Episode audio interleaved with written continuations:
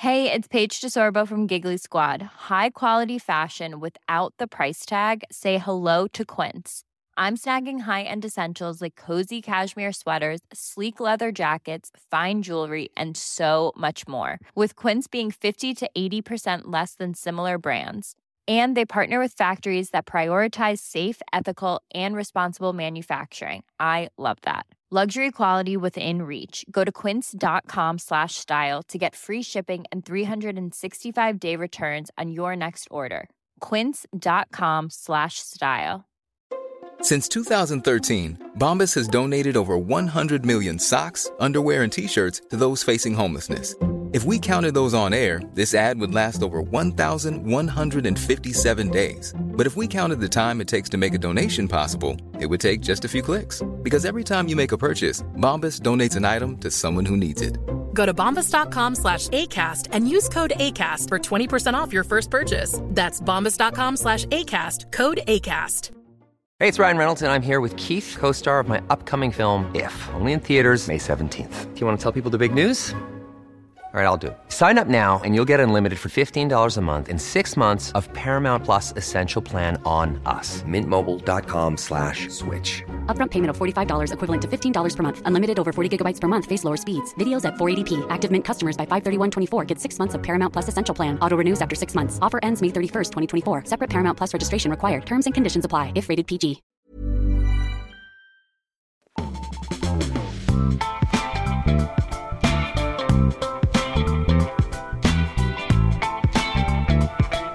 Herre hjärtanes, säger jag som min mormor en gång sa. Det är ju nyhetsshowen som sänder ut idag på alla vanliga frekvenser och plattformar. Visst Stina Lundström? Visst är det så, Kalle Berg? Alla hjärtans dag som det faktiskt är och semmeldagen var det igår. Ja. Kan det bli en vanlig dag snart? Kan det, bli, en- precis, kan det bli en dag som inte innefattar ett eh, tvång av att göra saker som känns sötsliskiga och obehagliga? Ja, man undrar ju.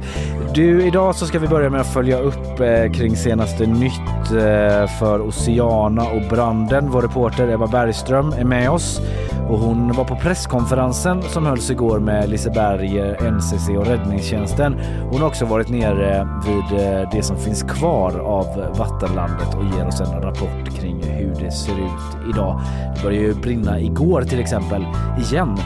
Det ska vi prata om och lite nu vad som händer framåt då förstås. Du ska prata om något helt annat. Jag, jag kommer prata om valet i Indonesien som sker idag. Eh, det är ett gigantiskt land som går till val under detta supervalår. Vi har pratat om det tidigare. Eh, och med lite bakgrund i Indonesien så tänkte jag, om inte jag så vem ska ge nyhetsshowens lyssnare lite, lite inför, lite uppsnack Ja, inför ett väldigt stort val. Det är viktigt, det är ju världens femte största land. Visst är det så? Alltså invånarantal. Invånarantal. Mm. Ja, sen ska jag också prata lite om att vi nu efter fyra månader fått svar på ett mysterium, eller åtminstone en del av ett mysterium. Jag talar om att den giftiga gasen fosfin tros ligga bakom att den här familjen i Söderhamn insjuknade i oktober där en fyraårig flicka dog som följd av det. En eh, tragisk händelse där det har varit eh, mycket och faktiskt mycket som fortfarande är obegripligt då. Men eh, vi fick några svar igår då kring hur det här kunde hända. Sen blir det bakvagn. Vad ska du prata om där? Ja, där kommer det bli eh, lite de och dem. Debatten vi kanske trodde dog 2023. Ja. det är ingen riktig debatt, men det har kommit lite nya uppgifter om hur man använder det. Och sen så kommer jag också prata om en ny lag i Australien som kan stoppa jobbmail på fritiden. Och inte minst om några framstående konstverk som just nu hålls gisslan i ett skjul i Frankrike. Ett skjul är vad sjukt sagt. I ett helt vanligt hus Aha. i Frankrike. Det var grejer det du. Jag ska prata lite om en eh, Taylor Swift-konferens med massa influgna akademiker i Australien. Och sen lite mot min vilja, väldigt så här tingeltangel-tema för mig idag så ska jag prata lite om Gunilla Persson. Ja. Hon ska ju in i mello nu här och hon har en kravlista tydligen. Ja. Dessutom har hennes bidrag och de andra har blivit recenserade av Johan Lindqvist och det var starka papper från Johan Lindqvist. Mm. det var det alltså. alltså, det får man säga ändå. Ja, vi har lite andra grejer där också. Vi får se vad vi hinner med eh, helt enkelt. Eh, annars då? Vi kämpar på lite idag. Vi kämpar på lite, alla är lite småkrassliga, man gör sitt bästa. Och precis när man går där och känner lite grann, var är min badge of honor för att Ja. jag ens dök upp? Vem spelar Brothers in Arms för dig och mig? Då går bara producent Karl förbi och säger att vi inte är levnadsglada du och jag för, för att ingen av oss gillar semlor eller alla hjärtans dag. Nej just det, vi varken äter semlor eller firar den här kärlekens dag. Kärlekens Ja. dag och då blev vi tydligen eh, tråkiga nej-sägare i hans Ja, men att Karl är sån levnadsglad eh, bara för att han gillar, han firar inte heller alla hjärtans dag, Nej. men han gillar ju semlor då. Så det var som du sa, det är lite sänkt ribba för att Ja, vara verkligen levnadsglad. att det räcker. Kan tänka mig grädde. Nej Ja. men semlan är konstig. Det är en, eh, det är en eh, bulle gjord för fattiga tider tycker jag. Eh, Det är en bulle som känns som att Ja, det är liksom ett fattigt folk som gjort en riktigt fattig bulle. Ja, det fast så... den var ju delikatess från början. ja, För det rike, det rike lever sitt liv Jo, åt sån eh, hetvägg. jo, men man får ju tänka så här, de rika i Frankrike, vad åt de? De åt ju typ så Macaron. fasan, stoppad med påfågel, inkörd i en åsna, inrullad på en flamberad ja. vagn dränkt i Cointreau. Vi har typ så en helt vanlig fralla som vi lägger grädde och typ lite mandel på. Det är bara ett väldigt fattigt bakverk. ändå tycker jag. sägs det att kung Adolf Fredrik dog för att han Ja, åt för, för det många var det, semlor. fin, det var det finaste vi hade. ja, han ska ha fått en hjärtattack läste jag om igår då. Igen, i år igen läste jag om det. att han Ja, fick ja, hjärtattack. Han ska ha fått. Ja, för att han åt så mycket fet, eller nej vad heter det? Eh, inte fetvägg. Nej det var ju hetvägg. Hetvägg. hetvägg precis. Jag tror Fetvägg. att på den tiden hade den inte ens grända och mandelmassa utan då var det bara att det var en helt vanlig bulle doppad Ja. i mjölk. Ja, men sen åt, Festligt. han åt massa annan skit också. Jo, det gjorde han. Mm. Ja, jag vill ändå ge Karl att han, eh, han har faktiskt också eh, verkligen försökt lyfta mig idag. Han har skojat och haft god ton och energi och piggat upp mig och peppat upp. Och nu är jag ändå liksom i skick för att göra den här sändningen. Fint. Med det så går vi väl över då till nyheterna från senaste dygnet.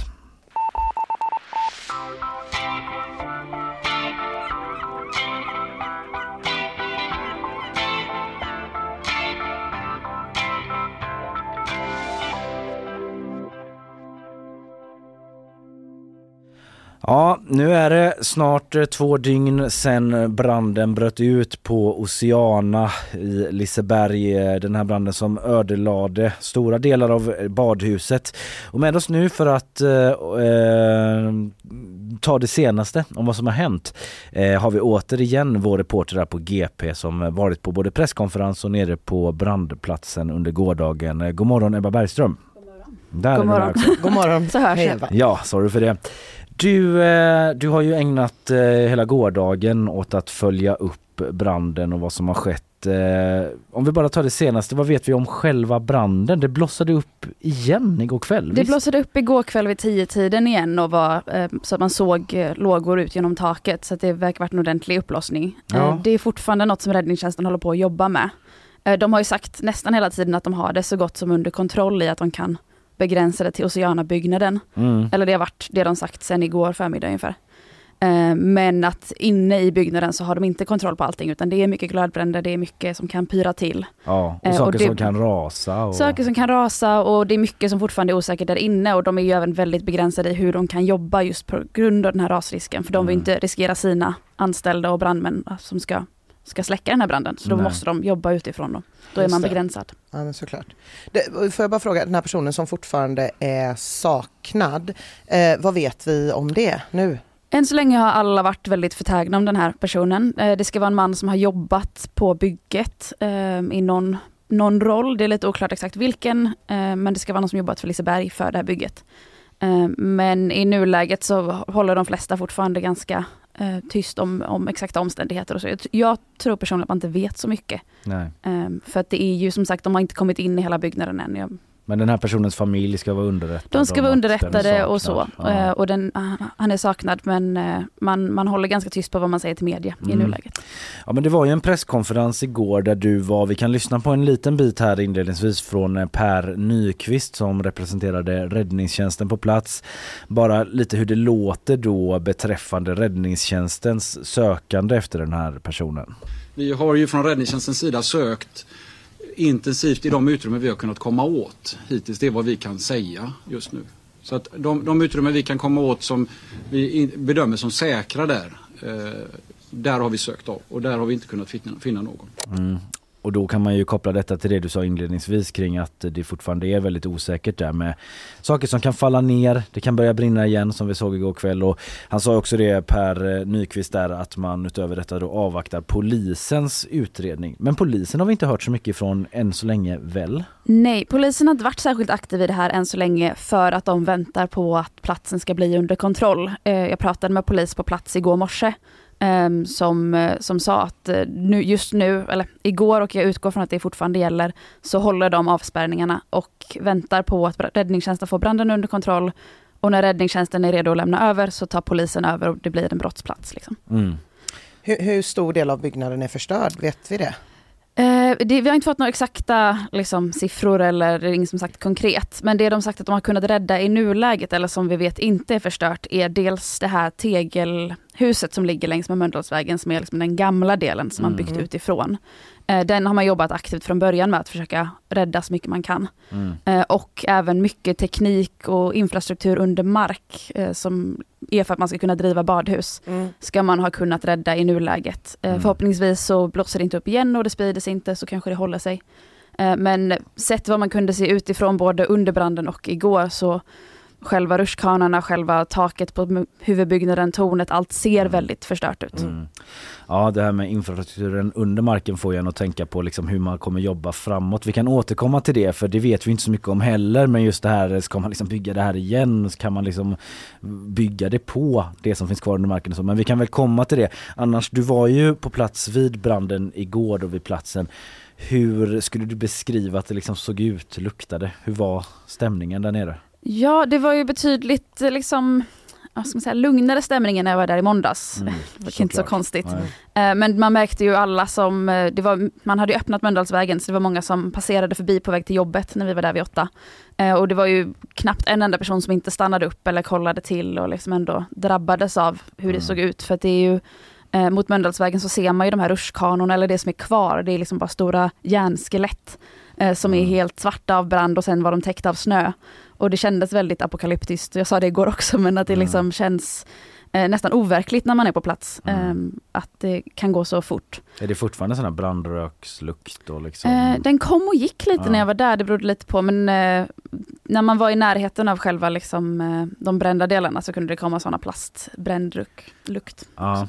ja, vi kommer återkomma lite till det där sen faktiskt om eh, plasten och liksom giftiga gaser och sånt. Mm. Men det tar vi lite senare. Eh, Det var ju presskonferens igår då som sagt. Räddningstjänsten var där, Lisebergs VD var där, NCC hade representant där då, byggbolaget. Hur skulle du beskriva stämningen där? Ja, nej, men det var väl en ganska sorgsen stämning framförallt från Lisebergs VD. Eh, man märkte att han var väldigt berörd av det som hade hänt och att de, det tar ganska hårt på Liseberg kändes Mm. det som. Vi Eh, kan eh, faktiskt ja. lyssna på en liten bit där från eh, en intervju du gjorde med Andreas Andersen då, eh, Lisebergs danska VD. Lite förvarning på att man får spetsa öronen för att han har lite dansk brytning. Jeg tror, jeg prater for alle, som jobber på Liseberg, at vi er utroligt ulykkelige over det, som har, har hent. Det er virkelig et, et chok.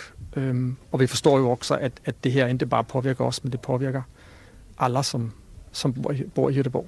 Eh, vad kommer det här betyda för projektet i framtiden? Kommer ni behöva lägga ner det helt och hållet? Det ved vi ikke end. Øh, det afhænger ganske enkelt af de udredninger, som kommer at gøres de kommende dagerne. Øh, der findes dele af bygningen, som, bygningen, som er kvar. Øh, men vi får ganske enkelt, øh, vi får enkelt gøre de udredninger, inden at vi kan bekræfte, hvilken, hvilken væg vi kommer at, at tage med projektet. Men, men i nuläget är det inte vårt fokus. I nuläget är det vårt fokus att, att, att ta hand om de, de medarbetare, de kollegor men också de gäster som har blivit påverkade av af branden.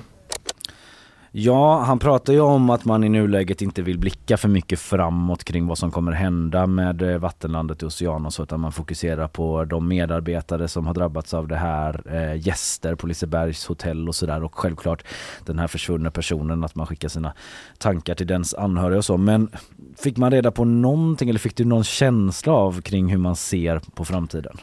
Alltså det var väldigt svårt. Han pratade ju om att Oceana och hotellet var en del av en medveten strategi att ta sig ur covid-svackan som Mm. han hamnat i. Att det kändes som att det var en ganska viktig del för att komma på fötterna igen. Eh, och på så sätt så ehm, kan jag själv misstänka att alltså hotellet blir ju en väldigt stort projekt om man inte har ett badhus som kan locka folk på vintern.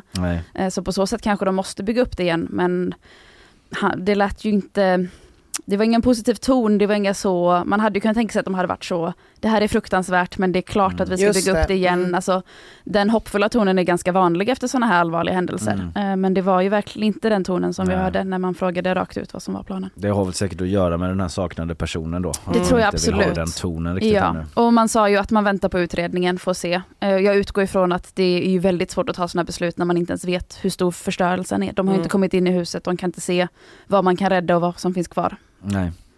Eh, sen den nästa stora fråga som alla ställer sig är ju förstås hur den här branden startade och eh, det utredningarna är ju inte färdiggjorda långt därifrån eh, och eh, NCC, byggföretaget, eh, de ville heller inte spekulera kring det i nuläget alls. Eh, men vi kan ändå lyssna bara för att alla ska få en bild av eh, hur det lät på presskonferensen och hur man uttrycker sig kring det då när det kom frågor till Niklas Sparv från NCC. Han sa så här. Eh, nej, men jag kan säga att det är, det är för tidigt att uttala sig om eh, vad det exakt för arbeten som har utförts och eh, vad det är som har orsakat branden. Jag vill inte spekulera i det innan vi har gjort en ordentlig utredning och innan räddningstjänst och polis har kunnat göra den. Mm. Är det någon, ja förlåt. Nej, nej, förlåt. Eh, Är det någonting utöver det här som har kommit fram? Är det någonting man kan säga? Man är ju, vill ju verkligen veta vad anledningen är. Ja, verkligen. Och det tror jag alla vi- vill. Ja. Det är många läsare som skriver in och frågar vad vi vet. Och för sanningen är vi vet inte så mycket. Nej. Eh, I början sa ju NCC att det var eh, utbröt i samband med ett arbetsmoment. Ja. Det är något de har backat från sedan dess. Det är oklart om det beror på att de har nya uppgifter eller att de bara insåg att det kanske är för tidigt att veta. Mm. Men det är väl, det känns som att jag upprepar allt det som räddningstjänsten säger, men det, jag förstår att det är väldigt svårt att veta sådana saker när man inte ens kommit in i huset ordentligt. Mm. Alltså det är, Mm. ehm, jag tror man har ju inte ens kunnat undersöka platsen när det startade. Liksom. Vet vi något om vad som händer nu närmsta tiden eller idag? Fortsätter man vänta på räddningstjänstens Räddningstjänsten arbete? fortsätter arbeta på plats med att fortsätta ha kontroll över branden och, och få släkten och, och få, få liksom total kontroll på även inne i byggnaden. Mm. Ehm, fram tills att de har gjort det så kan polisen inte göra så mycket. Eh, när jag var på plats igår så flög man ju med drönare och höll koll liksom, men eh, Mm. jag tror att det är ungefär där. Mm. Så mycket man kan göra från den sidan i nuläget. Mm, vi ska tala om en liten stund då om eh, lite fler ja, nyheter som har kommit i kölvattnet av detta och olika liksom, delar av eh, Göteborg som påverkas av det helt enkelt. Men du Ebba fortsätter ju följa det här för GPs räkning. Absolut. gp.se är adressen eller vår app då där man kan läsa fler uppdateringar eh, hela dagen, hela veckan framåt. Eh, tusen tack Ebba Tack så Bergström. mycket. Tack själva.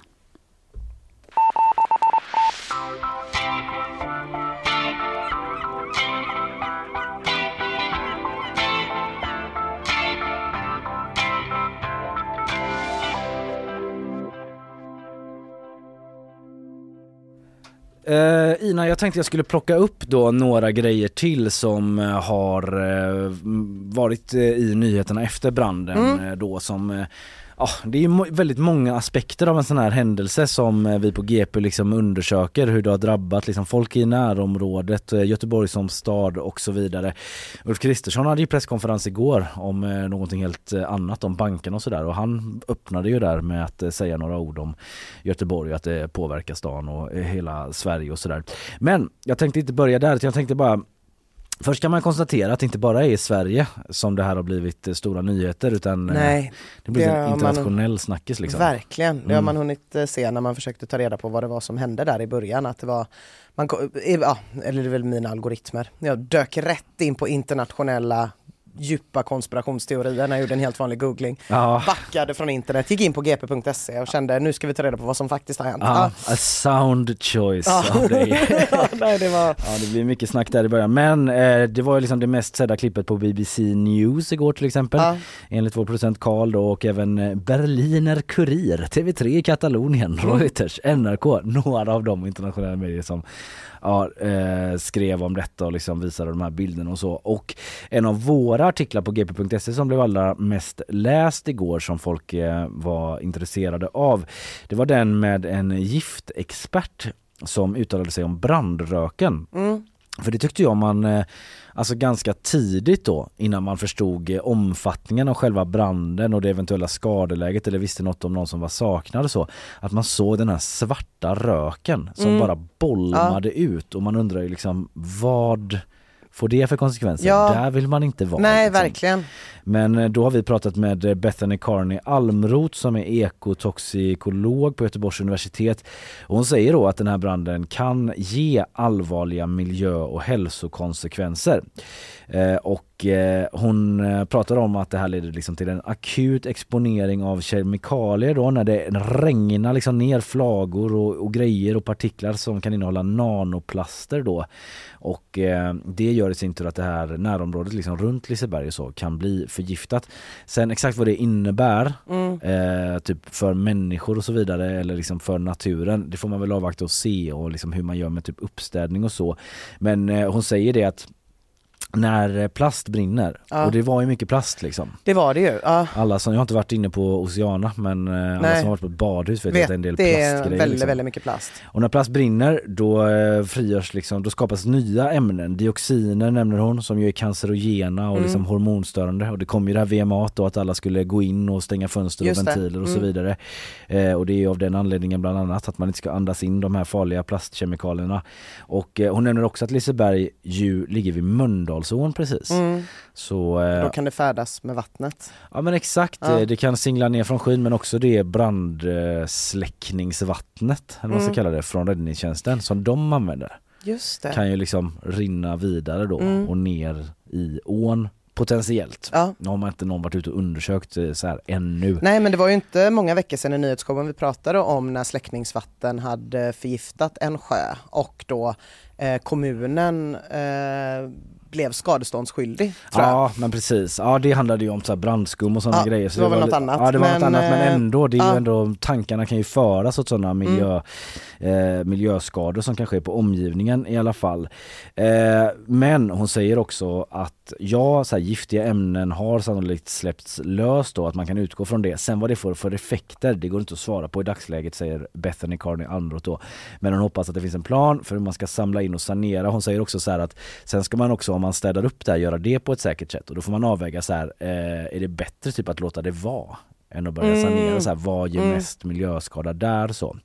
Så det är väl någonting vi får följa upp lite grann hur det går med det då. Mm. Men det man kan också säga är ju, eh, som man kan läsa om på gp.se också, på tal om det här med brandröken och så, att eh, 15 förskolor var i området som fick inrymmas. Det ska Ah. alla förskolor ha, en inrymningsplan då. Ah. Där de såg den här röken så fick personal liksom samla in alla barn, stänga fönster och ventiler, alla barnen, står det om i den här artikeln på en av förskolorna, stod liksom så klistrade mot rutan, du vet Mm. ville se, eh, lite uppspelta. Andra ganska oroliga också, Ja. det är läskigt såklart.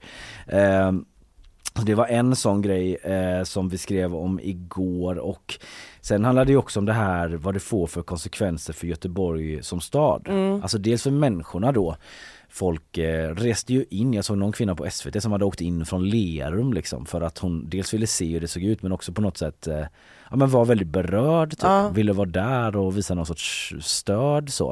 Eh, för det är ju eh, dels vanligt folk, folk som bor där men också arbetarna då. Vi har en eh, lång artikel med eh, en av eh, killarna som har ett företag som har varit där och jobbat. Mm. Och han snackar ju om det om att, alltså dels att man blir väldigt skärrad så här i efterhand men också att det är ju en stor del av ens arbetsliv som Ja. man har lagt på det här liksom. Visst. man har lagt in en jäkla massa engagemang och typ stolthet i det här projektet. Ja men bara såklart, tio år och så har man ändå tänkt så här, ah, okej, ah, nej men det här var, ah, okej, ja, men nu blev det lite jobbigt eller det här var en bökig grej typ. Men Ja. fan tänk när man får gå in där med kidsen på invigningen och bara, Exakt. det här har mamma eller pappa byggt eller varit med och ritat typ. Det är Ja. ändå en så här så sjukt stor grej. Jag tyckte Johan Hiltons text i GP igår var Ja. väldigt fin apropå just hur man som göteborgare kan känna typ att man är så här, åh det är så mycket byggprojekt och det är aldrig Mm. något som blir av och så är det den här jävla västlänken Ja. som vi har blivit lovade. Det händer ingenting, hela hela stan är bara en byggarbetsplats, det är plank överallt och så liksom innan en sån här grej ska öppna så bara, Mm. nej, Nej, så jäkla... man blir modfälld. Det blir man ju såklart och de blev det de som har jobbat där och så vidare. Sen så var det också där liksom att Göteborg typ kan gå miste om 600 000 turister på ett år ungefär. Eh, efter att Oceana har brunnit ner nu då. Det sa eh, Peter Grönberg på Göteborg Company som TT snackade med igår. Han Mm. var typ så här, vi har fortfarande liksom det här nya Volvo-museet och sånt. Det kommer komma turister Ja. ändå. Men det är ändå ett hårt slag. Det mot, får man verkligen säga. Ja men typ näringslivet i Ja, den ja, här visst. stan. Det är så Ja. jäkla mycket de, som har kiosken på hörnet på Mölndalsvägen. Ja, typ. Och som kanske sak. typ eh, köpte upp en liten extra, några extra kvadratmeter inför öppnandet liksom. För att man Ja. tänker att ah, men nu kommer det ju snart komma ett stort hotell här, då gör vi det här och det här. Nej, det är så fruktansvärt sorgligt tycker jag. Verkligen och Liseberg och Oceana då som var i processen att anställa massa badvakter, kafépersonal, så här sommarjobbare som får sitt första Ja. jobb. Det är jäkligt deppigt bara alltihop såklart. Och eh, som vi var inne på med Ebba, man vet ju inte vad som händer nu. Om man lägger ner hela projektet eller om man eh, börjar bygga på nytt. Det får vi se helt enkelt. Det vet vi inte än, det hänger på utredningen som kommer göras de kommande åren, sa Andreas Andersson igår, Lisebergs VD. Och jag menar De så här, bara utredningen liksom. Tar år. Ja, sen vet Mm. inte jag om det betyder att man inte kan liksom börja bygga något medan utredningen pågår någonstans. Det blir bara massa spekulation. Men eh, det är ett långt arbete kvar tror jag Mm. innan vi får veta vad som eh, kommer att hända med eh, Oceanas framtid.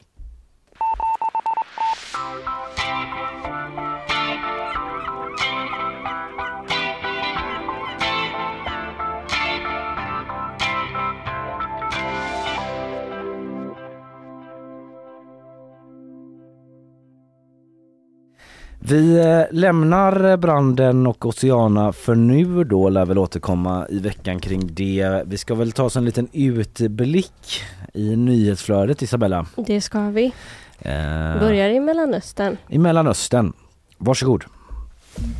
Om Israel fortsätter att utöka kriget så kommer Hizbollah också att göra det. Det är en varning som kom från Hizbollah-ledaren Hassan Nasrallah i ett tv-sänt tal. Sedan kriget inleddes så har Hizbollah skjutit raketer och granater mot Israel från södra Libanon och Israel har genomfört attacker riktade mot just Hizbollah och händelsen har skapat en oro för att kriget i Gaza ska sprida sig.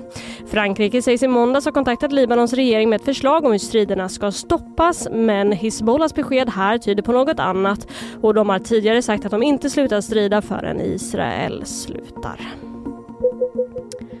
De fackliga förhandlingarna är nu avslutade och det innebär att det finns ett datum för när Casino Cosmopol nu stänger. Redan den 24 februari är sista dagen kasinot öppnar upp sina dörrar för gäster och besökare. GP har tidigare skrivit om hur kasinot kämpat med lönsamheten i flera år och att Svenska Spel nu beslutat att stänga i både Göteborg och Malmö. Nedstängningen påverkar cirka 100 medarbetare i Göteborg och 80 i Malmö men nästa projekt för kasinot är att se om det är möjligt att hitta en ny hyresgäst om man har ett hyreskontrakt för Stora Tullhuset som sträcker sig ända till 2032. En ny studie visar att pappor och partners varit missnöjda med BB-vården och framförallt handlar det om födslar som skedde under pandemin. Studien omfattade 727 gravida och deras partners och gjordes både innan och under pandemin. Men när man började genom, eh, införa restriktioner och att partners inte längre fick följa med till BB så sjönk nöjdheten med 30 procent. Flera deltagande nämnde att man upplevde en väldigt tydlig exkludering men också att man blev både arg och besviken i och med restriktionerna. Och starkast var reaktionerna från partners till förstföderskor. Ja, det är klart man känner sig exkluderad när man inte får vara med. Ja, när man får stå i ett tält utanför. Det ligger väl lite i sakens natur. I, Gud, i fönstret och kolla in så. Mm. Ja, men just när du sa det, för att för förstföderskor, man bara, ja gud Mm. ja, gud vilken skillnad. Än om Mm. det är den tredje ungen sen man sa, ja det är lugnt jag stannar på parkeringen. Ring när du är klar. ja, men den första vill man ändå stå där. Ja, nej, men det förstår man ju. Ja. Ja, det gör man. Eh, vi ska vidare nu, eh, mer internationella nyheter. Mm, nu blickar vi utåt. Val i eh, världens femte största land. Det är det. Befolkningsmässigt Det är talar det vi om då. verkligen. Mm, tack Isabella. Tack.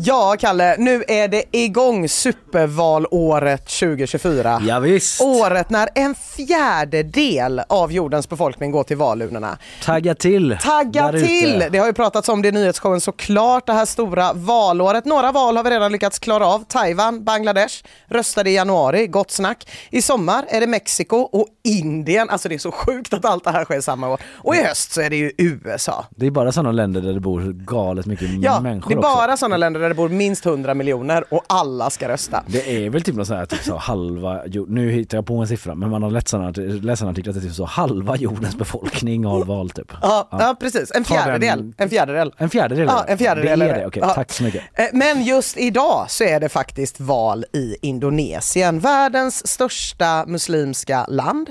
Eh, världen, den tredje största demokratin i världen. Eh, 205 miljoner väljare är det som ska gå ut. Eh, och det är lite spännande, jag är lite jävig här såklart, min mamma är från Indonesien. Men det finns faktiskt många skäl att Indonesiens val skrivs eh, om jätte det skrivs jättemycket om det här i Ja. internationell press. Ögonen är idag vända mot öriket i Sydostasien. Ja, jag har sett det när jag varit på internationella sajter Ja. att det slås upp ganska mycket mer än, alltså här har man inte sett så mycket om det. Nej, men så är det. Och en av stor, de stora anledningarna att eh, ögonen vänds mot öriket är just för att det typ är ett örike. Alltså Indonesien består av 17 000 öar. Ja. Det är rätt mycket logistik för att styra då världens största endagsval som är det som sker idag. 17, alltså 17 000 öar, det är visserligen bara 6 000 av de här öarna som är bebodda. Men det som många liksom inte riktigt förstår med Indonesien är hur sjukt stort det är. Så 200 miljoner människor utspridda på 6 000 öar, alla till val på en enda dag. I valet 2019 då, då användes bland annat flygplan, helikoptrar, kanoter, mopeder, hästar och elefanter för att distribuera valurnor till landets alla olika hörn. I vissa fall fick valarbetare gå till fots i flera dygn eh, för att nå de allra mest avlägsna byarna. De tar demokratin på allvar De tar demokratin på allvar. Eh, Och eh, I förra valet så dog också hundratals valarbetare, mestadels av utmattning. Alltså vissa delar av Indonesien är väldigt, väldigt svåra att komma till. Och för att kunna genomföra de här valen, eh, för, för att kunna genomföra det här valet även i då... Segt när man kommer ut och någon bara så, jag tänker inte rösta. Nej, nej, jag tänker inte... Det är samma Ett skit alltihop. Ja, typ. det- Ja precis, det gör ingen skillnad. Ja, det gör ingen skillnad ändå. Det är samma skit alltihopa. eh, och, och vissa av de här byarna då som man hade med livet som insats som valarbetare tagit sig till har ingen el eller något internet så därför använder Indonesien ett system där man efter att ha röstat får doppa sitt finger i bläck. Så kan man inte rösta två gånger för då syns det så här, du har försökt skrubba bort bläcket och komma tillbaka. Det går inte. Det där känner jag igen. Det finns i Ja, andra länder Det också, finns i andra länder också. Eh, sen så som sagt, det är gigantiskt stort. Stora delar av Indonesien har ju typ gratis wifi, även i byar där man Mm. Ja, tänker. Mm. har de datorer här? Jajamän, alla sitter hemma och streamar på sina smartphones. Och sen så är ju det här valet också viktigt för att är, Indonesien har en väldigt intressant roll i världspolitiken. För att USA och Kina vill båda två bli bästa polare med Indonesien. Eh, för USA ligger ju Indonesien svinbra till i Asien och för Kina är det ju en jätteviktig handelspartner. Kina har äger jättemycket gruvgrejer, gruvföretag och grejer i Indonesien. Det är ju en- ett land med jättemycket naturresurser. Och just nu verkar Kina ligga bäst till i kompiskampen. Eh, I november förra året gjorde för- försvarsministern eh, försvarsministern i Indonesien, Prabowo, en deal med Kina om gemensamma militärövningar. Och samma minister tackade några dagar senare eh, nej till att köpa amerikanska stridsflygplan av USA. Ja, signalerna. Mm, signalerna för Ja. vem som är eh, nä- närmast kompis. Eh, dessutom har Kina hjälpt till med väldigt mycket liksom, infrastruktursförbättringar och sånt som har gjorts i landet under den sittande presidenten Joko Widodo.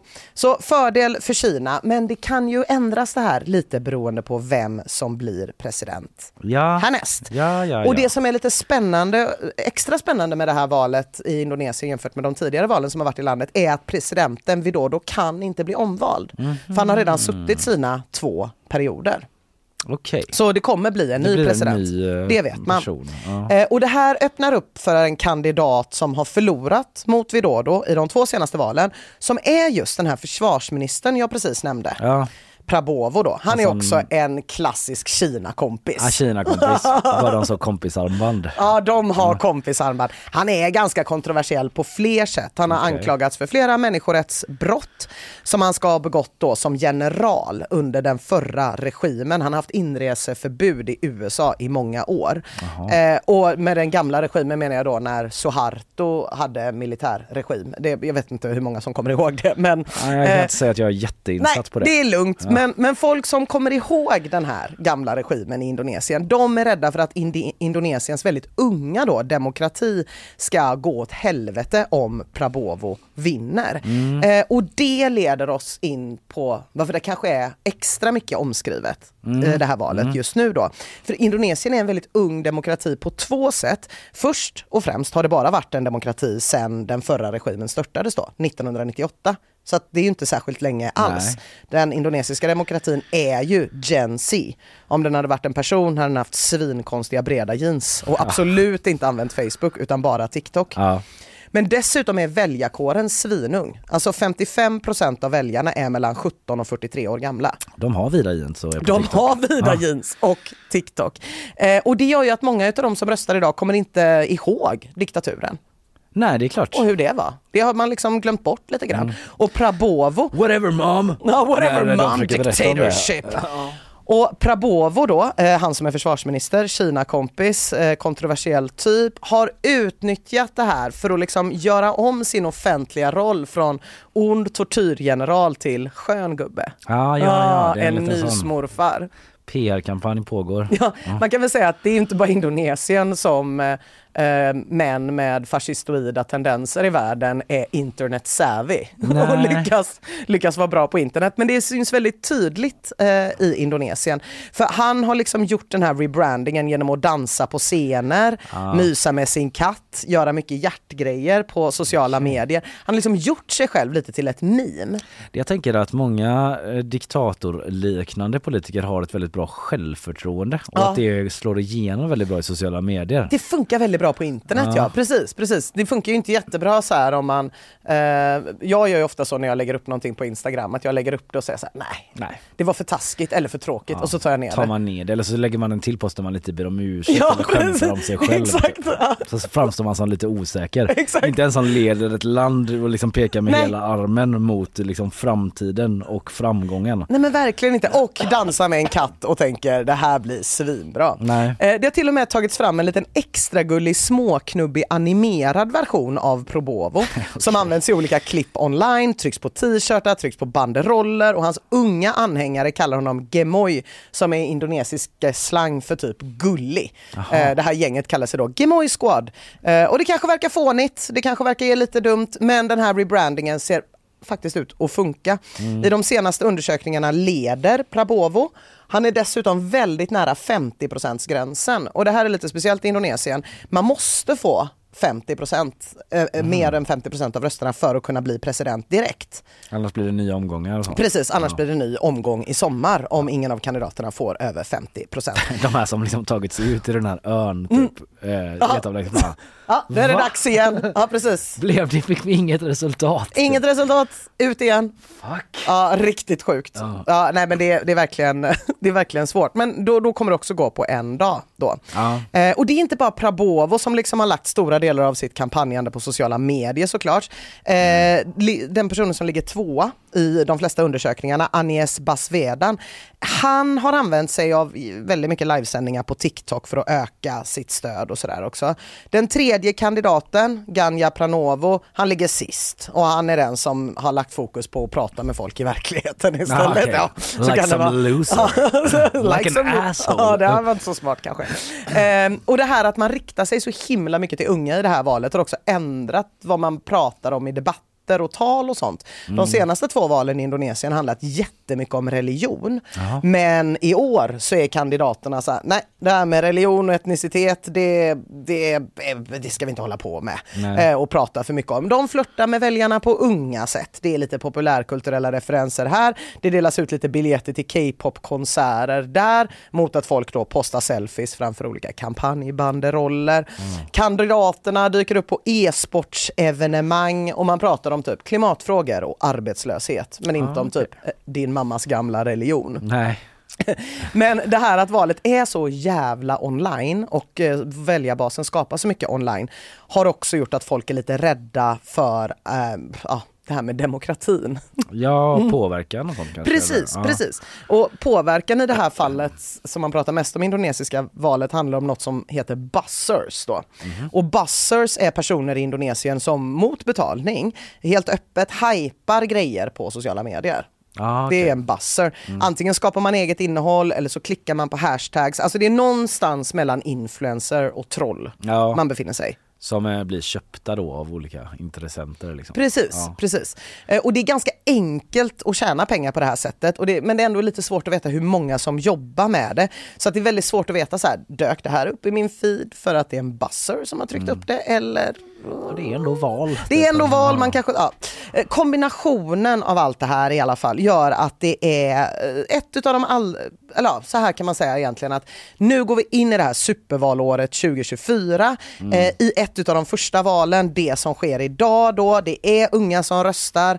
Eh, och ihop med liksom de här vanliga inslagen av populism, rädsla för påverkas-kampanjer. Det, liksom, det kommer vara exakt vad vi pratar om hela året Ja. i alla de andra valen också tror jag. Och det lutar åt att det blir den här lite mer Kina-vänliga Det lutar då. åt det. Ja. Eh, ett intressant, en intressant detalj i sammanhanget är att hans vicepresidentkandidat, den här Kina-vänliga personen, är den sittande presidentens son.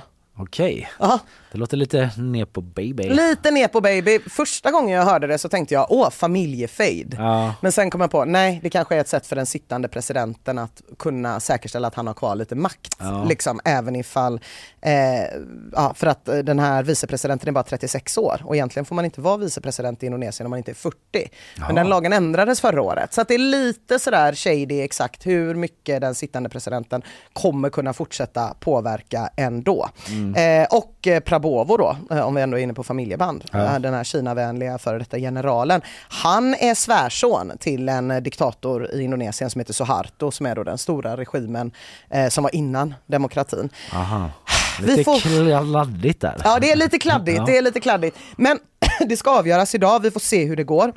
Jag läste senast i morse att det kan bli försenat i vissa delar av landet på grund av dåligt väder. Men är det någon jag tror på så är det de indonesiska valarbetarna Ja. i det här läget. Mina tankar till dem Verkligen. under hela dagen.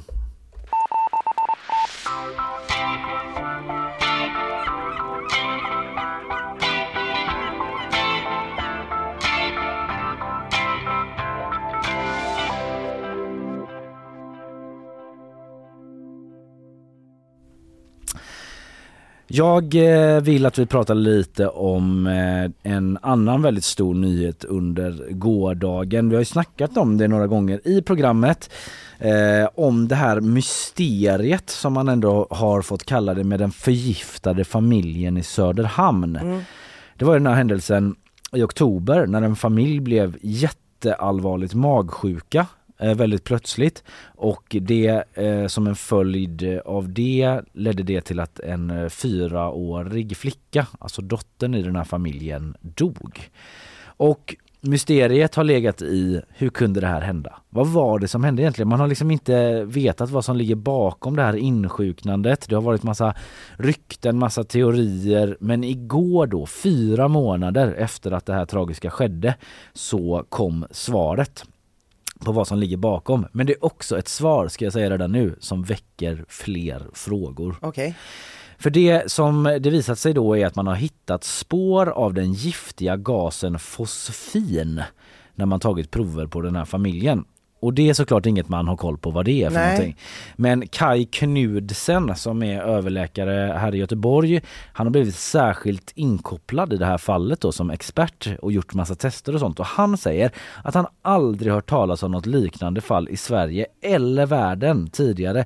Och jag har jobbat med förgiftning i 40 år säger han. Oj. Så det är extremt ovanligt där och han har liksom behövt ta fram en helt ny analysmetod för hur man skulle upptäcka det. Man gjorde massa prover och bara Ja. hittade ingenting. Och så fick man liksom ta fram helt nya metoder. Ja, för först tänkte jag så här, men ska det verkligen ta fyra månader? Men nu inser man ju att det är klart att det gör det. Ja men precis, det kanske inte liksom var det första man började leta efter Nej, heller då. nej. Sådär, fosfin eftersom det är så himla ovanligt. Eh, och det var Aftonbladet som först avslöjade det här med fosfinet då. Mm. Det, de hade fått reda på det för typ en vecka sedan, så här, åklagaren och så. Eh, men eh, då kom det fram och då började man berätta lite mer. Vad det är då, det är ett extre- en extremt giftig gas som används för att bekämpa olika skadedjur. Men det är liksom inget som du kan köpa i butiken. Det får inte säljas till privatpersoner. Och eh, det är väldigt ovanligt i Sverige vad jag förstår. Eh, Kai Knudsen, då den här eh, överläkaren som jag nämnde, han säger att det används eh, också för att rengöra containrar och sådana jättestora Mhm. silos liksom. Mm, mm. Och eh, att det transporteras i fast form. Ja. Man liksom eh, importerar det till Sverige. Han liknade vid typ en sån diskmaskinstablett. Okej, ja. Och när man löser upp den då med ett annat medel, då frigörs den här gasen Mm. eh, som eh, han liknar vid cyanid. Oj! Så där fattar du hur giftigt det är. Ja. Och troligtvis, även om man inte vet, Nej. som man säger här då, så ska den här familjen på något sätt ha andats in det här, eh, den här gasen. Det tror en eh, kemist som TV4 pratat med. Även om man framhåller liksom att eh, vi vet inte hur de fått i sig det, men Mm. liksom det är väl det mest troliga. Och eh, DNs vetenskapsreporter beskriver den eh, gasen då som en färglös gas med en svag doft av vitlök alternativt rutten fisk vad det nu ger. Ja. Men bara som en liten bild av eh, vad det är vi har, har att göra med här då. Eh, men pappan i den här familjen som för övrigt har flyttat från Söderhamn nu, de har sagt Mm. att de liksom kan inte vara kvar där, det är Nej. för mycket minnen. Mm. Eh, han säger till Expressen att man inte har använt något sånt här bekämpningsmedel i familjen Nej. eller i lägenheten och att man inte köper något utanför Sverige har han sagt. Nej. Eh, och eh, olika, mm, alltså här, då, det har ju kommit det här svaret att det är den här gasen liksom. Men jag ser det på ditt ansiktsuttryck också Ina, liksom Ja. att man undrar fortfarande bara "Mm, hur har det gått till då? Ja. Och det är det som är det jobbiga, att det vet vi inte. Eh, Aftonbladet är en av flera medier som har liksom varit på plats i Söderhamn och snackat med folk där. Som för- förvisso känner så här att och det är väl skönt att vi har fått ett svar här nu Mm. då på vad det är för eh, kemikalie eller för kemiskt ämne som de har drabbats av men att man trots allt inte blir klokare av det säger eh, Monica Svensson då som är en boende som Aftonbladet snackat med. Eh, TV4 har också snackat med ägaren till en pizzeria som ligger där Mm. i området eh, och eh, ägaren till den berättar att eh, ryktet gick väldigt snabbt där i oktober om att det var hans mat Ah. som låg bakom det här. Då. För att familjen käkade där Just några det. dagar innan Ja. och han har ju fått någon slags upprättelse nu då. Ja. Han säger samtidigt, typ det första han säger, att han skiter i pengarna Ja. eftersom att det är ett barn som har dött Mm. liksom, och det är det som han bryr sig om. Trots att han då förlorat typ 100 000 spänn Mm. på det som har hänt då i förlorad business. Eh, och det är ungefär det vi står. Det är den här mycket, mycket ovanliga gasen som man har hittat för prover som man har tagit på familjen och nu undersöker då åklagaren Christian Sommers om den här gasen kan ha köpts utomlands. Mm. Man försöker spåra det på något sätt. Det måste rimligtvis ha sitt ursprung utomlands. Det går ju inte att få tag på i Sverige säger Nej. han till GP, den här Sommers då. Ja, det är, ja, vilket, det är precis som du sa, en, ett svar som bara ger ännu fler frågor. Ja, verkligen ett mysterium hur de kan ha fått i sig det Mm. här ämnet. Mm. Eh, inga teorier eh, knappt ens på eh, hur det ska ha gått till. Nej. Och vi får väl se om vi någonsin får reda på det. Men eh, den, här giftig, den här extremt giftiga gasen kunde man i alla fall hitta i de här proverna då.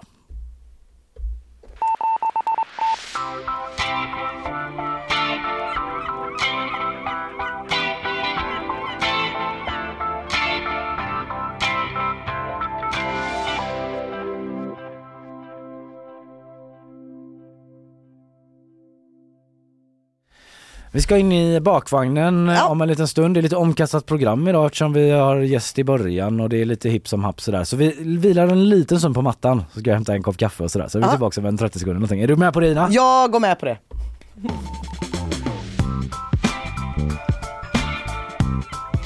Sådär ja, då är vi på banan igen. Nyhetsshow den 14 februari är det. Halvvägs igenom denna rötne månaden. Ja. Jag tar ställning mot februari. ja, men jag vågar också ta ställning mot februari. Nu får det vara slut. Men särskilt i Göteborg ändå. Ja, Alltså det är så slaskigt och nu var det väl okej häromdagen med lite mer snö och sådär men ja, men som sagt högtidsdagarna man får, vad är det för jävla högtidsdagar? alla hjärtans dag. Ja, och semmeldagen Ja, liksom. Nej. Bakverket har vi redan trashat. Det enda alla hjärtans dag ledde till, för det är ju sportlov nu. Ja. Så jag tänkte så här, fan vad mysigt, då ska jag och min dotter gå på spa. Mm. För det där med skidor, Nej, no det sysslar vi inte med i min familj. Eh, så jag var så här, ah fan vad nice, mysigt typ. Då ska vi gå på spa, hon är ändå 15 nu så då kan man ändå gå. Sen insåg jag, på alla hjärtans dag? Finns det något värre Nej. än att se alla sådana pliktskyldiga spapar som sitter och försöker hitta gnistan i en Ja. bubbelpool? Du vet, eller de som verkligen hittar gnistan. Ja, ännu värre! Ja, ännu värre. för de har jag sett på spa. som är så wow. Men jag bara kände typ, jag vill liksom inte dela bubbelpool med det. Så Nej, bara, nej, men det blir- gnistan. med gnistan. eller den uteblivna gnistan. Nej, nej. Men hellre den uteblivna gnistan. Faktiskt. Men den är smärtsam. Jag vet inte, jag tycker det är så jävla konstigt att gå på spa med partner på det där sättet och så ska man sitta där och typ så. Mm. Ja, jag var, senast jag var på spa var länge sedan i Stockholm men där var det liksom också typ att det var en del barn, Ja. alltså små barn. Ja, men som det typ pajar ju- hoppar runt i Ja, ju som att grejen. det var ett vattenpalats. Typ. Nej men det pajar ju grejen. Det finns ju typ vissa dagar på ofta, många span Ja. där man får ha med sig yngre barn. Men annars brukar det vara så här vid 15 Ja. eller 16 så får man trilskas lite Ja, och så får man med sig en 15-åring liksom. Men inte ens det fick jag, vilket var det jag skulle få göra idag. Så att nu, jag vet inte vad, vad ska man äta nu? Någon semmelrest som man hittar i någon gammal bunker någonstans som någon har, något, någon rest Ja. från GPs semmeltest Ja, som jag ska ta med henne hem. Hej älskling. Ja, ah, precis. Ja. Tvinga henne att se fler avsnitt av eh, Band of Brothers när vi ändå håller på. Ja, ser du om det? Har du sett? Vi ska, nu blir det mycket snickesnack här. Ja, det men mycket eh, har du sett den där nya? Det är ändå en Nej. nyhet, alltså den där Steven alltså sista delen Nej, typ i Band jag of laddar Brothers. inför den genom att se om Band of Brothers med mitt barn. Ja, snyggt. Mm. För jag tror att Band of Brothers är klasser bättre, tyvärr. Typiskt. Ja, ja, vi lämnar väl Nåja, det där här. Från snickesnack till snickesnack med bara marginellt mycket mer struktur. Ja, För nu är det dags för bakvagnen. nu är det bakvagn. Och jag börjar med att eh, sticka ut hakan och fråga, hur ser du på det och dem, Kalle? Oh, att eh, så tumregel är att det nästan alltid är det. Väldigt sällan det är dem. Ja, tycker du det är enkelt att hålla rätt på? Nej, jag, är- jag är lite stressad över att vi ska prata om det här. Eh, jag visste att du hade det liksom på din lista över ämnen för att jag eh, tror att jag, jag hade inte velat eh, hamna i någon sån eh, testsituation av det. Och där är vi nu. Åh nej! Men det är faktiskt rätt åt mig. Jag som håller på och quizar folk var och varannan Till vecka. höger och vänster. Nej, du ska bara få, eh, du ska bara få en fråga egentligen. Ja, Eh, och det är, om man ska säga, de följde vi hem. Är det det eller dem då? de följde vi hem. Ja, är det det följde vi hem eller dem följde vi hem? Men konstigt, när säger man det då? De Nej men jag vet inte, men det är den vi hem. aktuella meningen i den här mätningen. Jag blir förvirrad av bara meningen. Det måste vara så här, de följde vi hem. Johanna och Carina, de följde vi hem. eh, det. Fel. Ja. Men du, du är i gott sällskap, det är dem. Det är bara 44 procent som svarar det korrekta dem. Men en majoritet av svenskarna, ledsen. till skillnad från dig Kalle, säger att det är enkelt att avgöra när man ska skriva det och när man ska skriva dem. Det är också att jag, typ när jag skriver manus till det här programmet så skriver jag ju bara talspråk hela tiden. Så skriver, då är det liksom e istället för är och dom och sånt. Ja, ja, alltså jag hatar det och dem. Jag är också en av Sveriges sämsta personer på att skilja på det och dem som också har jobbat som redaktör.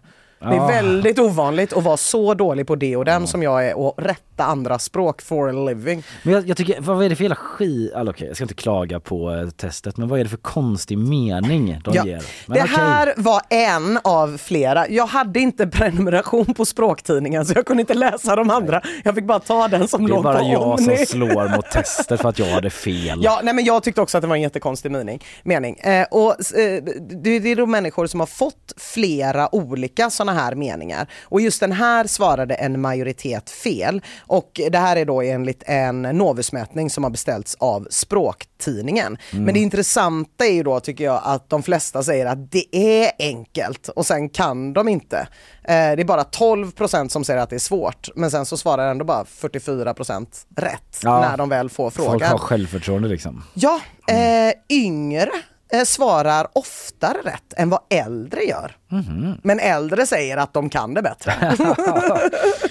Men det var intressant att uh, unga ändå är Ja. säkrare på det. Unga har- är säkrare på det det. snackas ju så jävla mycket skit om unga idag. Eller De är så hur? dåliga i skolan och inte läser några böcker. Nej, och ja, nu är det här kanske inte 12-åringar Nej, utan nej. yngre i den här kontexten. Jag vet inte exakt men det skulle ju kunna vara folk som är 20-25. Ja, Men, ändå, men ändå, de får ju ändå sitt hat och alla vi som har läst ett kommentatorsfält på Facebook vet ju att eh, hög ålder är inte en garant för gott språk. Nej. Eh, men, men, eh, Särskrivningar och sånt där bland annat. Jag är, ett väldigt, jag är en väldigt stor motståndare till det och dem. Jag tycker att det är idioti att hålla på på det där Ja, sättet. men det var ju något med någon jävla språkreform som någon ville se här. Ja, det var en debatt för ungefär ett år sedan om det här och då tycker jag... Språkrådets nya chef förespråkade en domreform. Ja. Ja. Det är många människor som eh, gör det. Björn Ranelid var väl den stora motståndaren. eh, Han vill ha kvar som det och det. Han, Ja. han tycker att det liksom förrikar, ri- berikar språket på något sätt. Mm.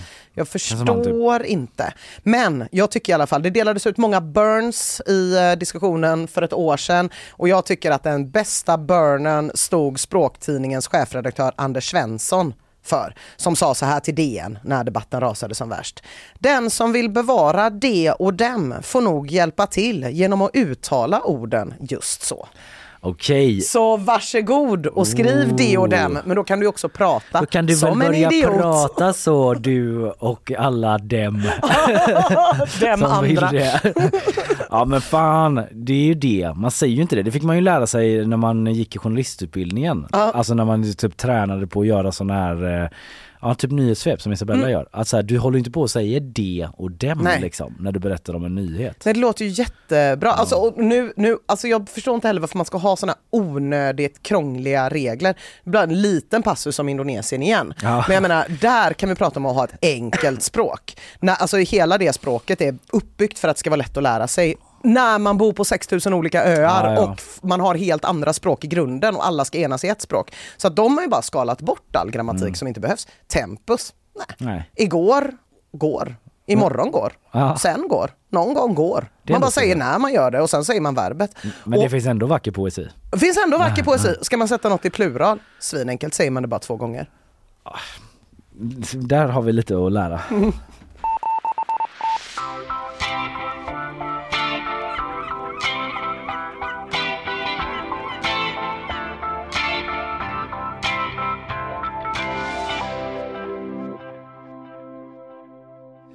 Ja, Karl skickade ju här, vår producent, att han brukar jobba med den här, eh, det finns någon sån där hjälpregel att man Ja. säger om man byter ut det mot han eller honom eller jag med.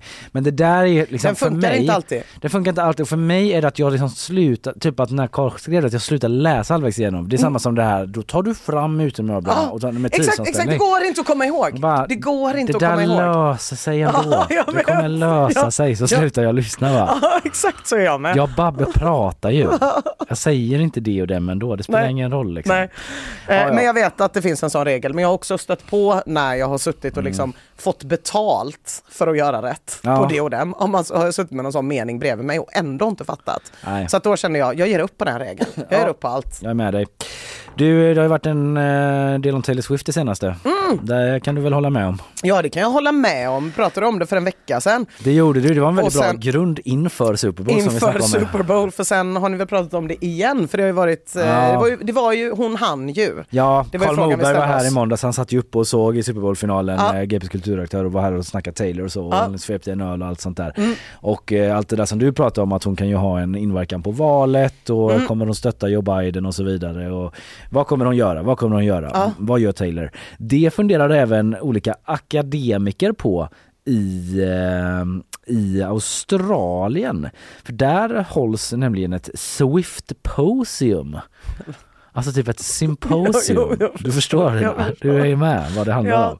Ett swimp- eh, Swift-posium eh, eh, i Melbourne. Behöver vi detta Ina? Vet du vad, spontant känner jag nej. Nej, du känner det. Eh, vi ser historia i realtid säger Brittany Spanos som är huvudtalare då. Eh, och det är helgen nu då, inkommande helg som de skriver på SVT. Det var Lite anglicism på något sätt. Eh, inleder Taylor Swift eh, den australiska delen av sin världsturné The Eras Tour och det går inte obemärkt förbi skriver SVT. Utan på universitetet i Melbourne hålls en konferens som kretsar kring Taylor Swifts popularitet och påverkan på musikindustri, populärkultur, litteratur och ekonomi. Nej men det är väl, åh gud vad kluven jag är. För å ena sidan spontant så här, ja eller absolut inte spontant, när jag vill framstå som en god och eh, intressant och bra människa så känner jag, nej, men det är väl jättebra att man forskar Ja. på det.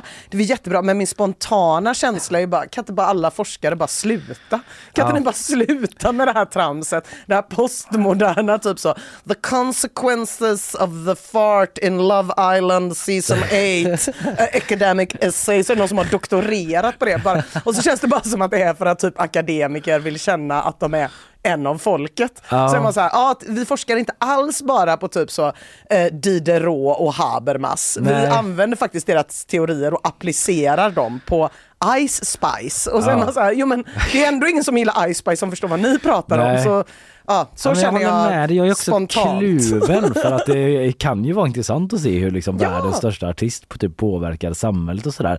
Samtidigt känns det som, och det är också en ganska trött invändning att vara typ så här som jag kommer vara nu. Att så här finns lite viktigare saker att forska på. Ja. För det finns ju också typ sådär, alltså biologer som forskar på en liten mask som lever i slammet i Östersjön liksom. Mm.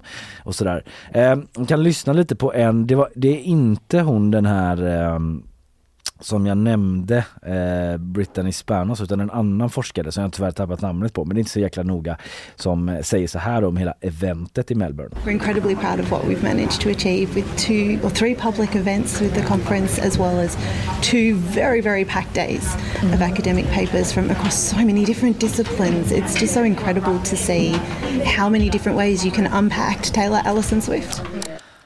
Jag Taylor vet inte varför blir man så illa till mods av det Ja. här Kalle? Ja men det är någonting med att hur passionerad hon är, så incredible, typ hur vi har samlats här, typ det finns ingen hejd på vad vi kan åstadkomma med alla de här eh, liksom uppsatserna, papers om, Nej. och att de säger Taylor Allison Swift är också någonting med, Men det bara- det- visste ni det förresten? Att hon heter så? Det, det, det, de är lite smug, vad heter det på svenska? Ja lite eh, Belåtna. Ja, typ. precis, att det ja. känns som att akademiker som forskar på populärkulturella fenomen eh, är lite mer belåtna än Ja. andra akademiker och det stör mig av någon anledning. Ja, ja precis, ja jag är med.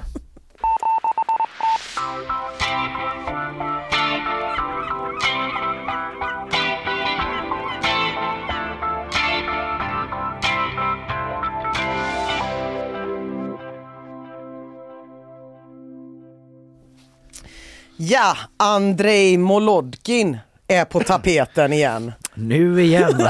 Andrei Who säger ditt ansikte.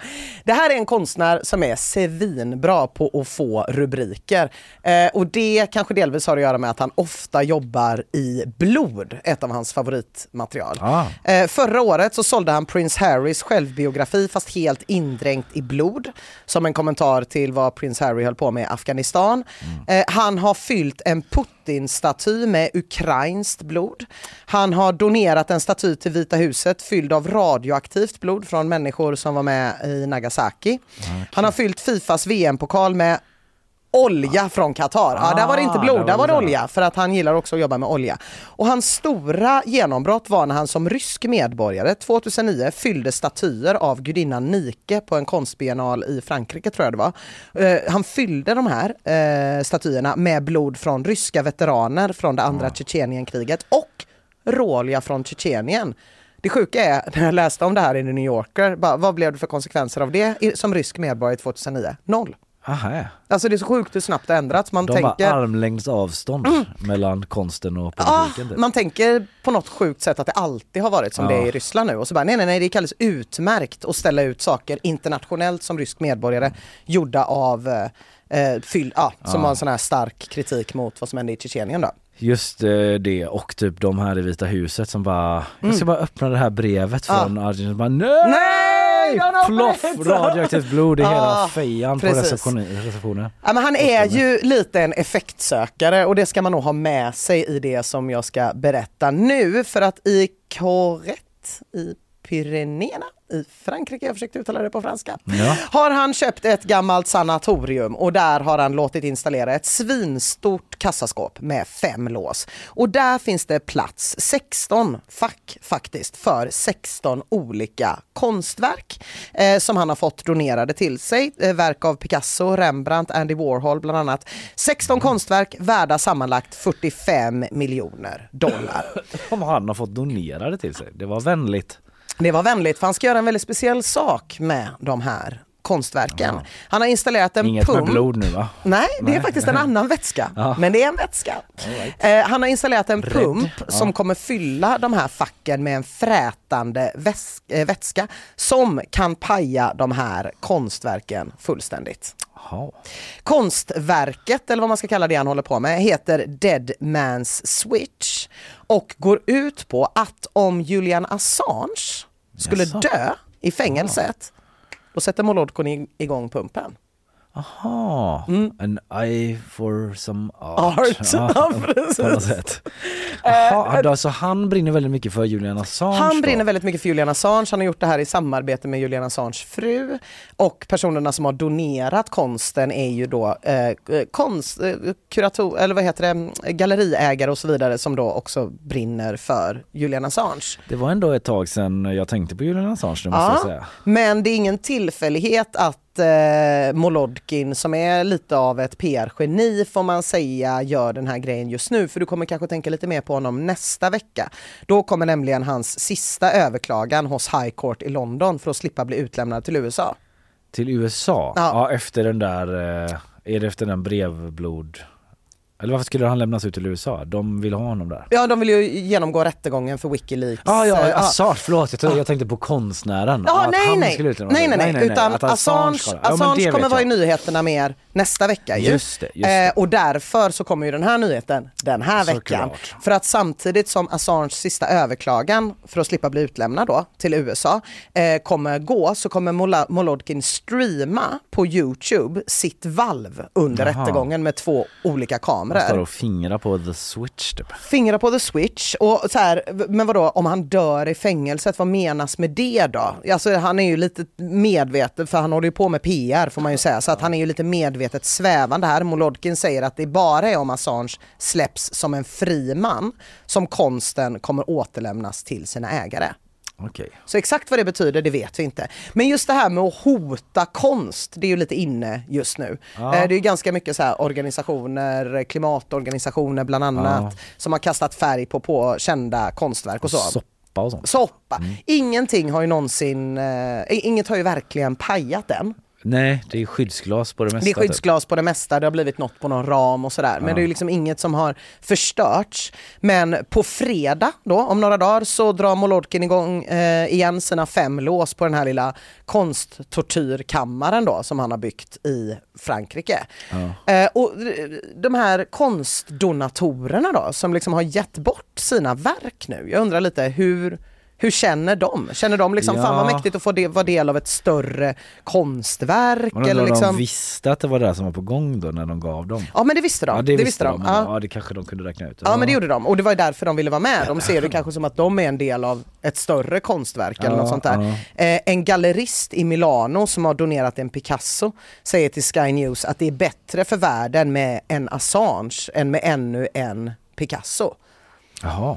Med det sagt så känner jag lite så här, den här konsthandlaren i Milano, han har inte sagt vilken Picasso det är. Nej. Så för att det här inte ska bli ett rent reklamreportage för Molodkins eventuellt senaste liksom, eh, installation så känner jag ändå så här, det kanske är du vet så här, Picasso, han har gjort mycket skit alltså. Ja, du vet det är någon sån en liten figurteckning. Ja och så är det så här, vi kommer inte avslöja vilka målningar det är av de här kända konstnärerna och alla har skrivit på sekretessavtal för att det ska typ få ännu mer impact, att man inte vet vad som har försvunnit. Så känner jag, är det inte bara för att ni inte vill säga att det är en ganska röten Picasso? Ja, för men det var ändå till ett värde av 45 miljoner dollar eller Ja, sånt där. precis. Det är en uppskattning som The Guardian har gjort. Men man ser inte i livestreamen vilka verk det är, det vet vi inte ännu. Nej, eh, det, det, jo man, har sett, man kan se bilder på, jag kan skicka en bild på Ja. hur den här tortyrkammaren ser ut. Då, liksom. eh, och man kan se, men, men man ser inte vad det är för konstverk utan det är liksom olika trälådor bara. Och så är det den här pumpen då som när som helst kan spruta Ja, ut frätande väst, vätska beroende på, ja, det är någonstans gisslansituation för Assange. Ja, Men det är, så kon- det är så synd om konsten nu tycker jag bara. Att Ja. Det är som att folk är sura på saker som händer idag och så ska man straffa någon. alltså bygger någon ett sånt eh, konst-Guantanamo och bara waterboardar en monet typ. Ja men det var så jävla konstigt. Det är väl inte Rembrandts fel? Nej, att Julian Assange, eh, ja det där följer vi.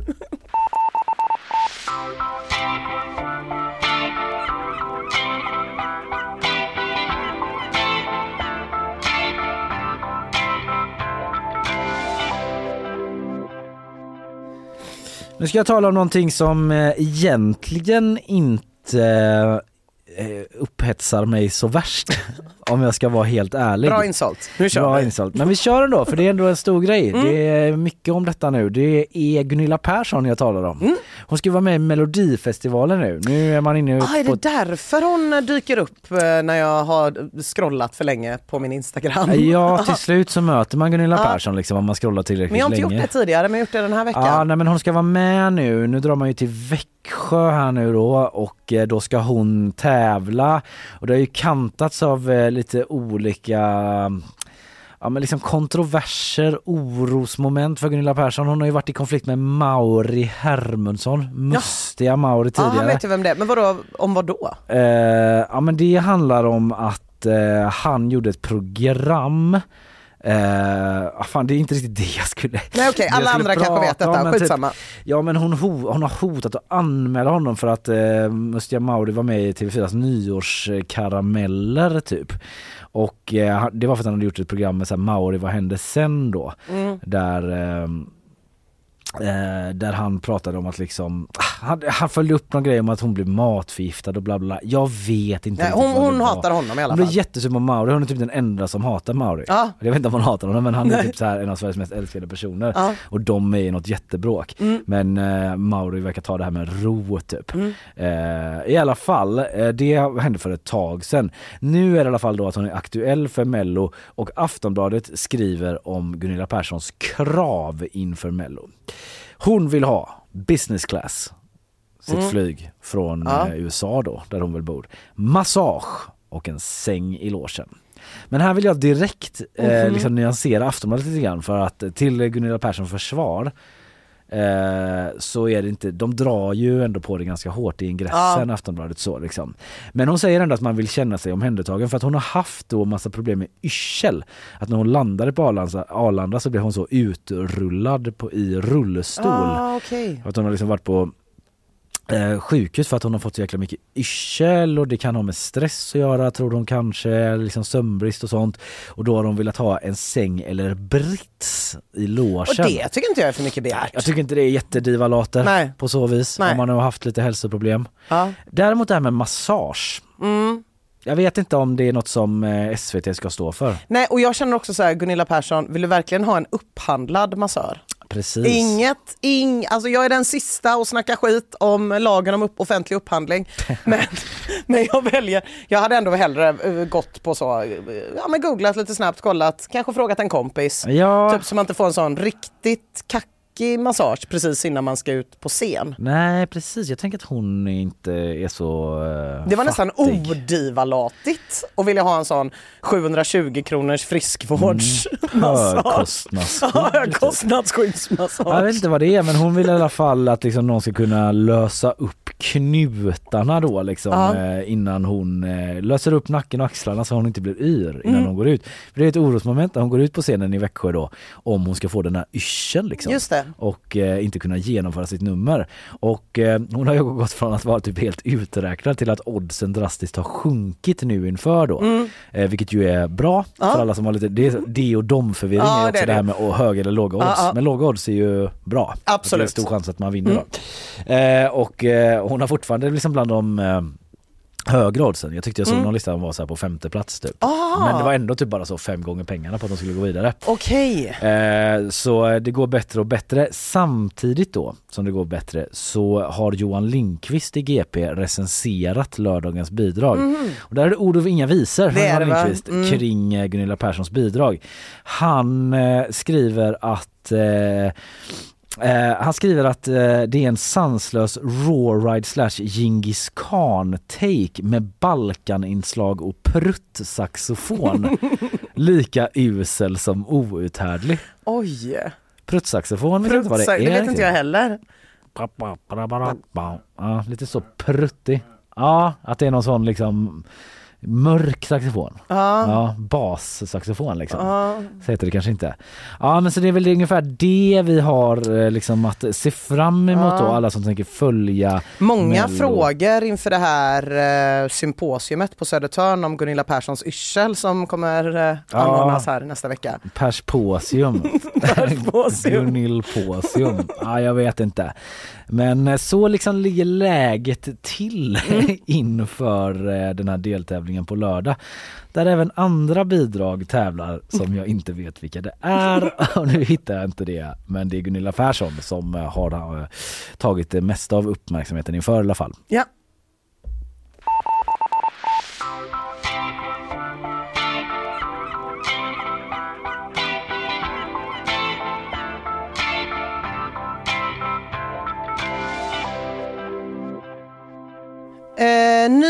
Har röstats igenom i Australien som ger eh, anställda rätten att koppla ner.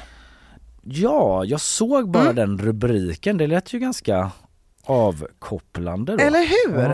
Eh, Det är alltså egentligen att eh, man ska kunna få ett beslut från myndigheter som anställd där arbetsgivaren inte ska kunna ställa några krav på att man svarar på mejl eller telefonsamtal efter arbetstid. Ja. Jag tycker det här låter rätt nice.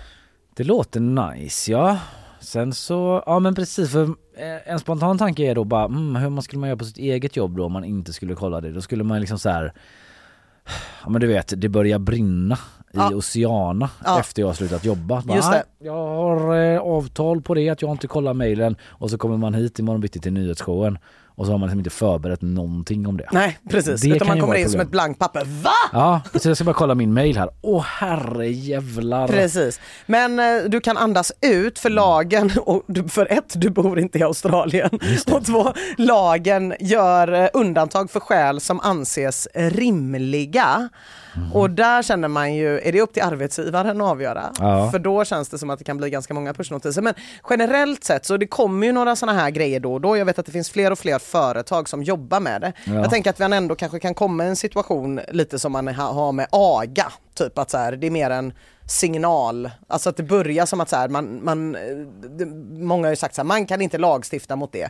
Man kanske lagstiftar mot det du behöver, i något land, i något annat land börjar man känna, ah, man kanske inte behöver lagstifta om det, men det kanske är fel. Alltså att det bara, Att aga barn. barn. Mm. Ja, det var en konstig koppling. Ja. Men jag menar mer att eh, man har liksom eh, en lag i ett land som ändå gör att man kanske börjar diskutera det i Ja. andra länder. Det tänker jag är väldigt bra. För att folk eh, är ju helt sjuka som inte inser hur stor del av dygnet man faktiskt jobbar när man jobbar med jobb där man behöver nås på mail och telefon. Ja, om man är så här, åtta timmar är ju ganska mycket bara som det är. Mm. Sen ska man sitta och fortsätta uppdatera den. Det kan nog vara jättebra för folkhälsan ändå. Jag tror alltså, det. Om man ser fördelarna med det liksom. Jag hoppas framförallt att det gäller lärarna. Jag tycker Ja. väldigt synd om lärarna. Jag vet inte om det beror på stadsdelen jag bor i. Men jag får verkligen känslan av att de får många mail Ja, och samtal ja. på sin fritid. Ja. Liksom, där folk är så här, du förresten, undrar en grej om geografiprovet. Inte barnet utan föräldern. Jag skojade om det med Filippa hemma igår för att min son kändes inte så trött när han skulle sova att vi Mm. skulle ringa då hans eh, förskolefröken där och bara Sov han idag? ja, men precis. jag ville ju göra det. Ja, men jag, precis. ah, jag skulle, I would never, Nej. självklart så här. jag har inte ens hennes nummer men jag menar Det hade varit rätt bra tror jag om det var olagligt i alla fall.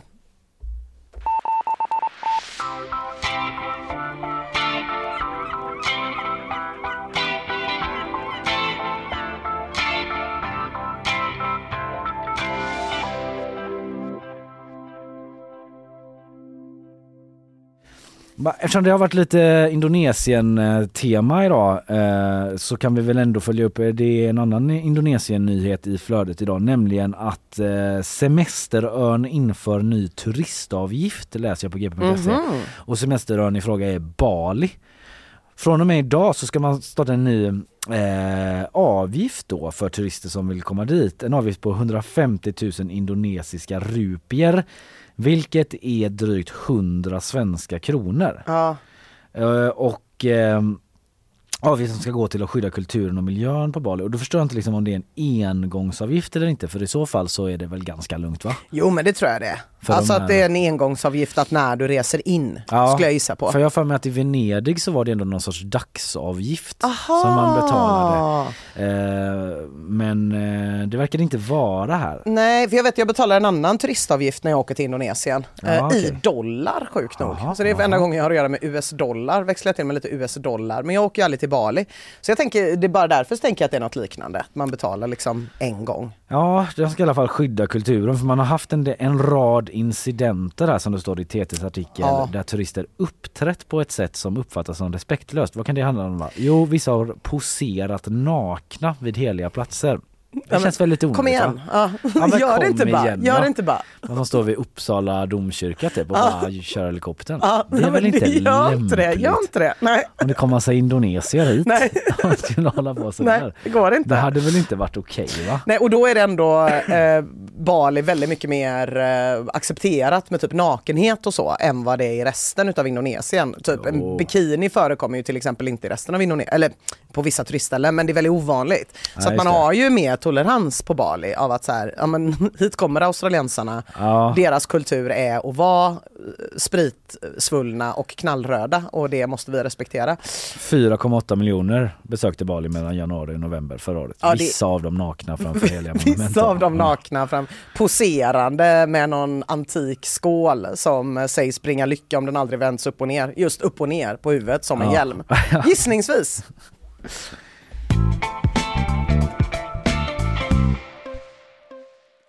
Du bara helt kort, tycker du det här är så fel? Det är ju en populär grej att säga tidigare. Är det så fel? Men eh, en lärare läser jag om i eh, USA eller i Kanada till och med, som nu anklagas för att sälja sina studenters konst på sin egen hemsida. Och när jag säger studenter så är det liksom students som är typ i, som är 13 år gamla. Alltså det är en lärare då som har en hemsida som då har lagt upp eh, omkring 100 liksom konstverk från eh, olika barn och säljer dem för typ 100 dollar styck, alltså 1000 spänn. Jaha. Med eh, titlar som eh, Julia's creepy portrait, Charlotte's creepy portrait. och så, så står det i Guardian, apparently referring to the names of the students who created the art. Ja. Hade du blivit uppretad? Jag hade velat veta om han får pengarna eller barnen. jag tror det är han som får pengar. Då tycker jag att det är lite fel. Ja, föräldrarna har nämligen rasat i Kanada då. I'm extremely disgusted with this person. It's extremely, it's extremely, you know, it's unbelievable, säger Michael Bennett som eh, vars dotter då har haft sin tavla eh, ute till försäljning. Försäljning. Ja, och det här har uppdagats och då har eh, den här eh, läraren då, The Guardian har sökt den här läraren som inte har återkommit. Och den har tagit bort typ sina sociala medier och Facebook och Ah. hemsidan när de här grejerna försvunnit. Så nu har den bara sina egna grejer, för nu har den egna. Ja, här- grejer också. Läraren är konstnär själv. Ja. Men, och den, eh, hens konstverk är kvar men Mm. inte barnens. Nej. Ja, det är lite av ett övertramp ändå. Ja, det, men jag tycker det. Jag trodde verkligen att eh, grejen skulle vara att det skulle vara barnen som skulle få Nej, pengarna. Det går inte till någon klassresa. Men jag tyckte om idén att ta teckningar som barn har gjort och döpa om dem Ja, just till det. typ så världens obehagligaste mardröm. Ja. Och så är det bara någon som har ritat av sina föräldrar. Så jag tyckte ändå det var, det var en kul grej. Ja. Men då tycker jag att pengarna ska gå till något annat än till honom. Han verkar uppenbarligen inte känna att det var ett konstverk att göra det, vilket man aldrig vet med konstnärer apropå Nej, att vi pratade det, här, om det här innan. det. Eh, Eftersom att han då har självcancelat sig och tagit bort sig från alla sociala medier. Hade, hade det varit som att han gjorde det like a piece of art, Ja. då hade han ju eh, svarat när Guardian ringde. Ja, precis. Snabbt. Bara, jag ska bara ha dem där tills Julian Assange blir fri. eller Precis, något. eller det är en kommentar kring barnarbete i sweatshops Mm. eller någonting. Ja men då så, då blir det ingen artikel säger The Guardian. Hej då. Du Ina, idag har vi följt upp med det senaste kring Oceanabranden. Det blossade ju upp på nytt igår kväll då men nu ska man ha kontroll över det igen. Vi talade också lite om så framtiden för eh, Liseberg angående detta då. Ja, GPs reporter Ebba Bergström var ju här och hjälpte oss att reda ut eh, det man vet just nu, vilket ju inte är svinmycket. Nej. Eh, sen så pratade jag om valet i Indonesien som går av stapeln idag. Världens tredje största demokrati, 205 miljoner väljare, en enda dag. Vad ska hända? Det vet vi inte, men nu är ni i alla fall lite förberedda, ni som har lyssnat. Stämmer. Jag snackade också lite om Söderhamn och mysteriet kring familjen som insjuknade där. Där eh, den fyraåriga dottern i familjen dog efter eh, ja, att man insjuknade i den här kräk med de här kräksymptomen. Nu har eh, undersökningar visat då vilket väldigt ovanligt och extremt giftigt ämne som hittades i de här proverna. I eh, övrigt så har det varit en jäkla massa bakvagnsgrejer men det får ni lyssna tillbaka ja, till. Ja, det klarar ni. Det. Ha det nu riktigt mysigt, ät era gamla semmelrester och eh, äckla er på span så hörs jag. Ni hörs ju imorgon. Det gör vi verkligen. Ja. Ha det gott. Ha det gott, hej hej.